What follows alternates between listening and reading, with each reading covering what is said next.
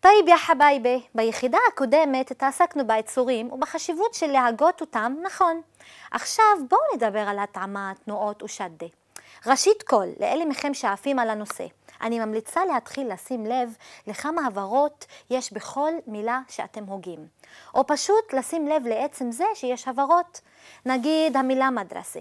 מורכבת, مدرسة מורכבת משלוש הברות, מד, רע, סה. לפעמים זה נוח גם לכתוב באנגלית מד, רע, סה. אז את איזה הבהרה התאמנו במדרסה? מדרסה, מקטבה.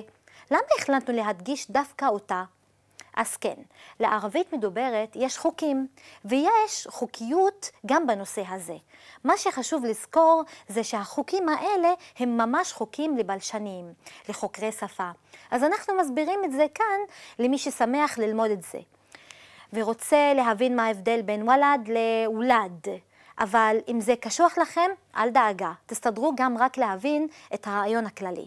בעיקרון, כל עוד שזה לא אחד מהמקרים הבאים שנראה תכף, ההתאמה תבוא בתחילת המילה. מדרסה, מכתב, אסמע, מושקילה. נשמע טוב, נכון? עכשיו ככה, מקאן זה מקום, אחוק, אח שלך, סיירתק, המכונית שלך, חביבי, מה קורה כאן? כמו שאתם רואים, יש תנועה ארוכה, ולכן היא גונבת את ההתאמה מההתחלה ומעבירים את ההתאמה אליה.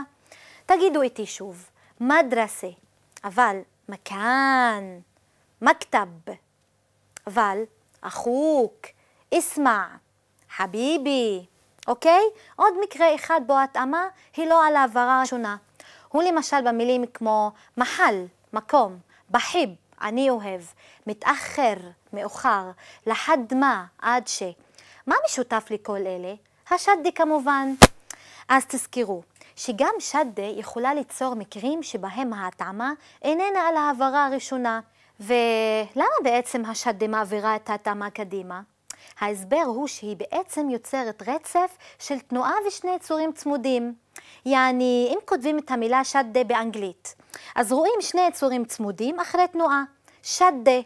למען האמת, גם במקרים שיש תנועה ושני יצורים צמודים, גם אם אין שדה, אז ההתאמה תעבור קדימה.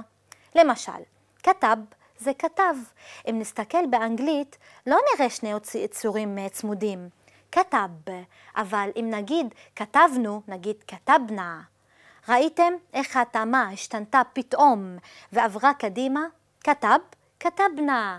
שימו לב לשינוי בהתאמה. כתב, כתבנה. בואו נראה איך כותבים באנגלית.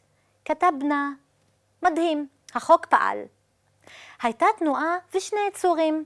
ולכן ההתאמה עברה קדימה. כתב, כתבנה. עכשיו, מה קורה אם יש גם תנועה ארוכה כמו במקרה הראשון, וגם שדה או תנועה ושני יצורים כמו במקרה השני? מה שקרוב יותר לסוף מנצח.